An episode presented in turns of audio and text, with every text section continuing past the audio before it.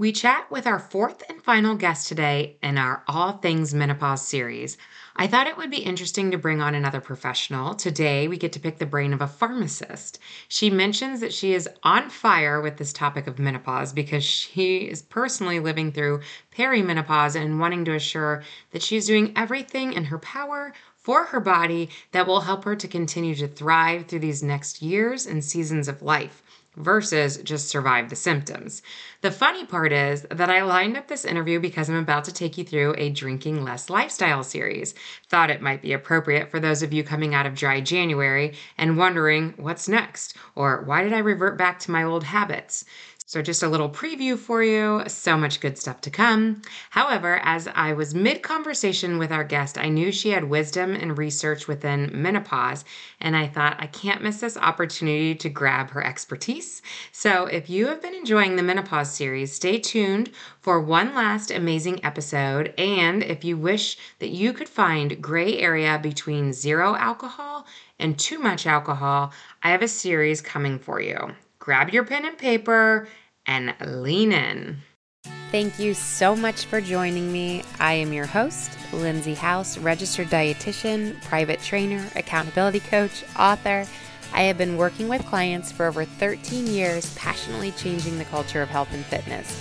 I'm out here smashing scales, helping individuals rewrite the rules to what success looks like in their life. I want to change generational thinking no more all or nothing mentality. Get rid of the diets and believe in the individualized journey. We are stronger than we will ever accept and beautifully made just the way we are. Keep your eyes on your own paper and trust your own path. Thank you for trusting me and letting me be a constant encouragement through your week. Let's get this motivation started. Welcome to your podcast, Direction, Not Perfection. I'm excited to welcome back to Direction Not Perfection Dr. Sherry Price, pharmacist and certified life and weight loss coach. Welcome, Sherry. Thanks, Lindsey. I'm excited to be here.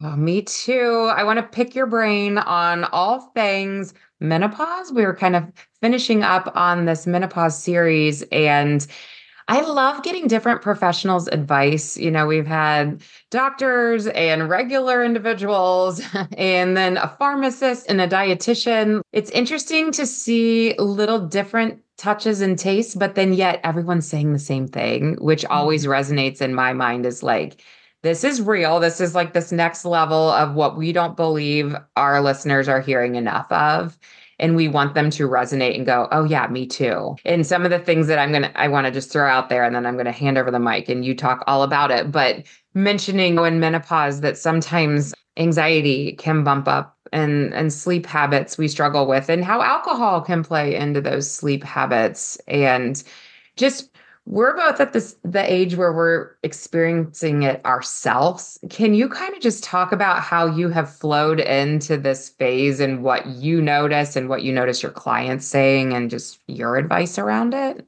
yeah, I'd love to. I am so on fire for this topic right now. I am in perimenopause. I am 49, going to be turning 50 this year. So menopause is looming. and when you're in perimenopause, just to define that for your listeners, it's generally 10 to 15 years before you actually hit menopause that means you'll start to experience symptoms before you actually get to menopause. And one of the big ones was anxiety. My girlfriends and I are talking about, oh my gosh, where's this anxiety? My girlfriend actually has had panic attacks It's taken her to urgent care because she's like, wow, I never had anxiety before. And I just had a panic attack and I have no idea what's causing this. So it's taken us down this beautiful exploration of what is going on inside a woman's body during this time. So we start to lose progesterone slowly and estrogen as well. And the loss of progesterone is what causes us to have abnormal sleep. It fluctuates our, our sleep cycle as well as anxiety. And so progesterone is this nice molecule that hits the GABA receptors inside the brain that allows us to be calm, more relaxed. And so with less progesterone, our anxiety tends to creep up. And then we get like anxious about little things.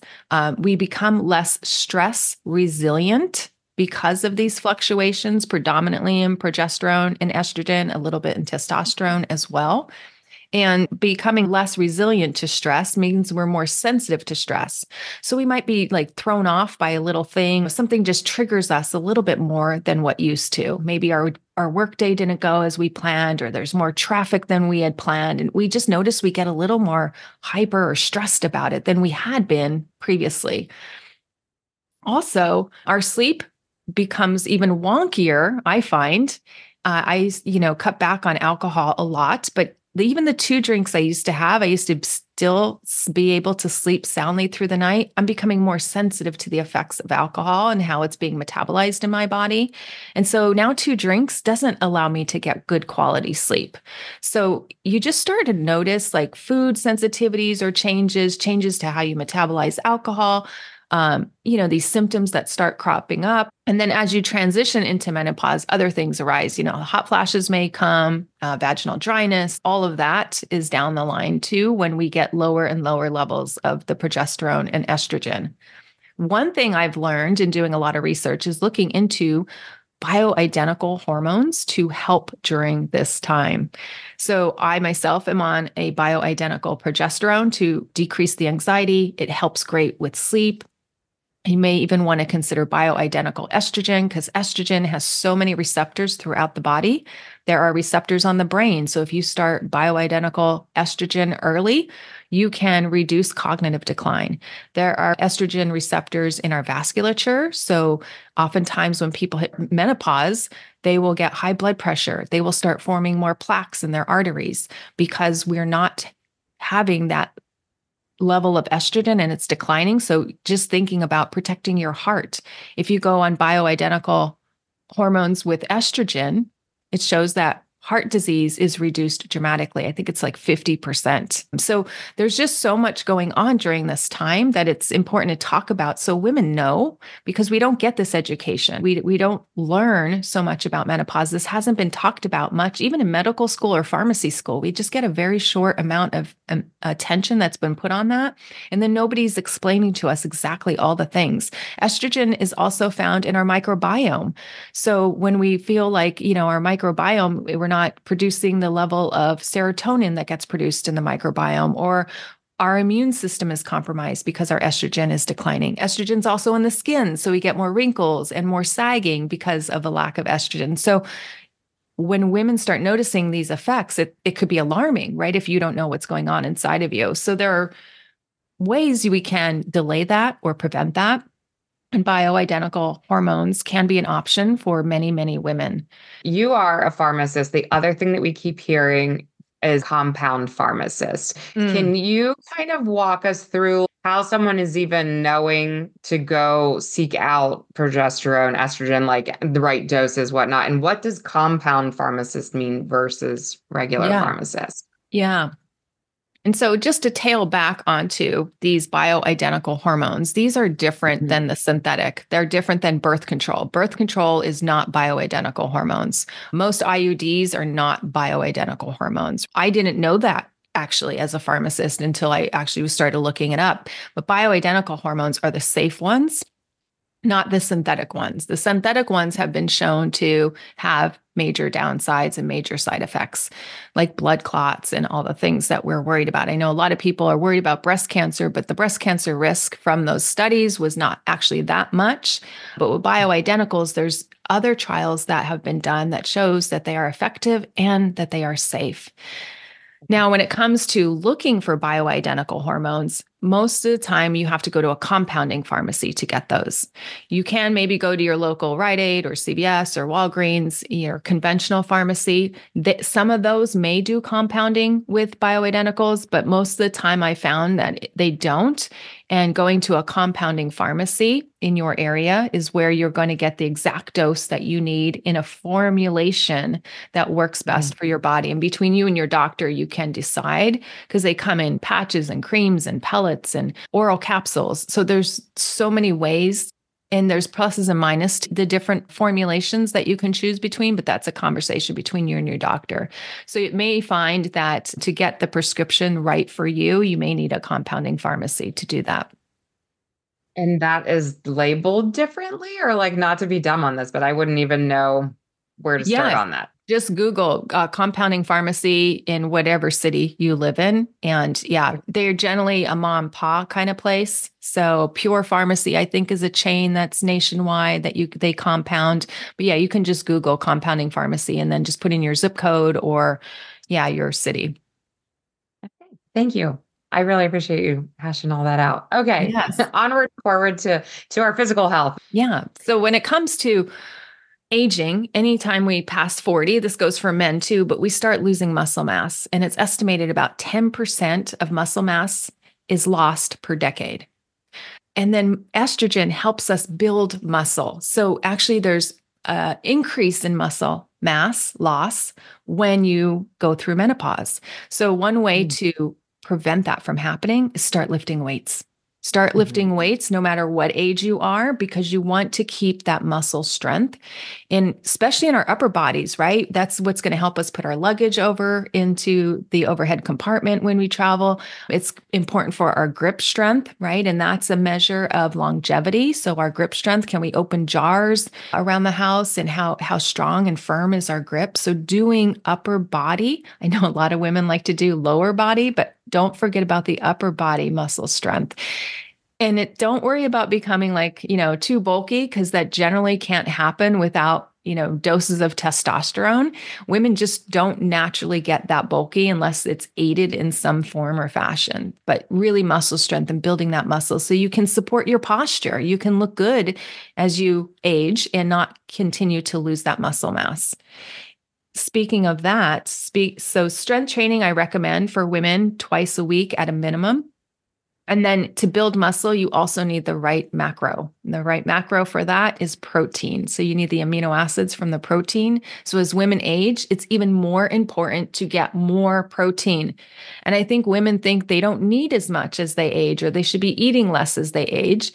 And maybe eating less, but certainly gaining more protein because as we age, we don't absorb the protein as well as we did in our younger years. So, really bumping up that macro is going to become really important to maintaining a body composition that can serve you into your 70s, 80s, and 90s. It's going to prevent frailty. It's going to increase our mobility. It's going to increase our ligaments and our tendons and support our bones. So there's so many benefits to strength training and then getting in particularly the macro of protein. I always think it's interesting too when we really focus on protein it it kind of adjusts your plate just naturally. That's like a beautiful ripple of think protein first, and then there's not enough room for some of the other stuff that you might be just naturally grabbing for. So yes, and it's so satiating. Yes, and the fullness is amazing. It's fiber too. To really focus on fiber and protein, you just can live out your day not starving. Mm-hmm. Which yes, nice. and, and yeah. needing you know snacks and munching on things or having the afternoon crash that we mostly experience when we eat too many refined carbohydrates. You know, you get the high and then you get the crash, and that's no fun. And and then you feel like you're stuck in this craving cycle. Yes. If you could give advice to a woman who maybe doesn't know she's in perimenopause yet, but is suspecting, you know, what would be your gently hand holding them into this season of life? Yeah, I think it's um, just important to pay attention to your body. You know, as women, we're so busy catering to others, running the kids here. We're taking care of elder parents. We're problem solvers. We're, you know, stepping up in our careers. Um, there's so much on our plate, but you know, really tuning in just a little bit each day. Like, how am I feeling? Where's my energy level at? You know, how's my anxiety? Is that, you know, am I sleeping okay? You know, there's devices you can track, but not everybody loves to track, and that's okay. But really, I think taking time to tune in to your body and just notice if it's changing. I mean, body odor changes over time too, which that was interesting to me. So our bodies do change. So I think when we start experiencing some of that, it's time to like investigate and understand if if we're going to want to start bioidentical hormones because it's you get more benefit the earlier you start and just replacing some of that. Sometimes women this is now a common time where their thyroid becomes sluggish and they may need to check out their thyroid. And so are they getting too hot? Are they getting too cold? Are they feeling too sluggish? So we really need to just pay attention to our bodies and then go in and get take our bodies for a tune up, right? Look at I know I love functional medicine doctors because they do additional testing uh, they test hormones, I found, and they're really knowledgeable about when to use hormones and when not to. So I prefer a functional medicine doctor for myself. And they just give you a lot of ways that you can support your system and when to bring in those modalities. And I think knowledge is key, right? Just understanding what is changing and not not fighting the change not hating the change. Like here we go. Here's i need more botox because here comes the wrinkles right? But really understanding what we could be doing in our lifestyle and the changes that we want to start making so we can best support our health longer term. I'm going to pick your professional brain on this too the whole investigating of hormone levels. And I've kind of heard mixed reviews on this and how some MDs don't like to test hormone levels because they fluctuate so much that on any given minute of a day, let alone any given day, but they can be so up and down. So, what's your opinion on how do you get kind of an accurate reading of testing hormones? 100%. So, most hormones I don't recommend monitoring by blood and that's a lot of traditional medicine conventional medicine is they do a lot of blood work which is fantastic for many things. But when it comes to hormones they are sensitive right? So you have to know when you should be testing. And if you're depending on if you're looking at estrogen depending if you're looking at testosterone or free testosterone or the precursor of testosterone which is DHEA right? So there's there's a lot there's a lot. And so I think going to somebody who specializes in hormone therapy is really important because they're going to do the proper testing. The Dutch test is a phenomenal test when you want to look at hormones, and that's dried urine. There could be saliva tests. I know checking even your cortisol, because that's the master of all your hormones, right? So checking your cortisol level. And for a lot of women, it's really high.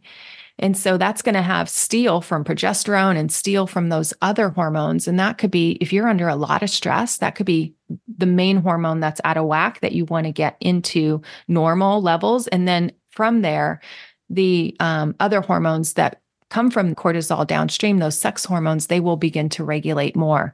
So you really want to find what hormone imbalance is going on and so it's not mm-hmm. always just the sex hormones. It could be the thyroid hormone. It could be the cortisol hormone. And so really understanding those levels. Um, and some of them, it's not by blood, it's by dried urine or dried blood or saliva. Yeah. Saliva. Yeah. Okay. Yeah. Interesting. And definitely, I know that there's kits on the internet, but like having that professional, to your point, functional medicine, somebody who's hand holding you through this, because I can already see people's shoulders going up and like, how like listening to two professionals talk and you can't you know like it, it sounds overwhelming to be on your own and trying to figure this out would be too much so yeah you definitely need the professional with you Definitely. And, I think test, don't guess, right? So I always like to test. That would be a, a, red flag for me if I saw a practitioner and they just wanted to start hormone therapy, but we didn't do any testing. You know, I'm not mm. saying it's wrong, but I, I really I become really interested in how my body is working and how my body tested. And so I would want to invest in those tests. Um, so we're testing and not guessing.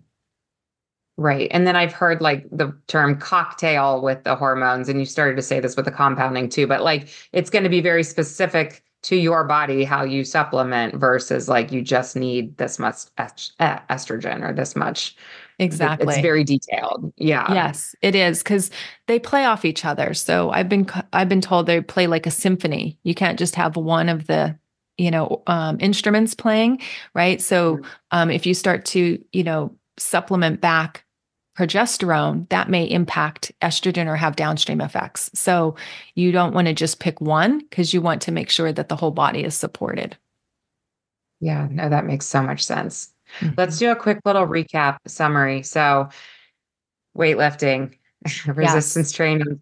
If you've if never you, done it and it, right, you know, totally overwhelms you, I think there's some fun to be had in resistance training that women get into the gym. You belong there too. And and I know some people are totally on board with that and other people it's been their first moment of introduction to to doing that. And it's just yeah. cool to see you could be 70 years old and walking into a gym and still building muscle.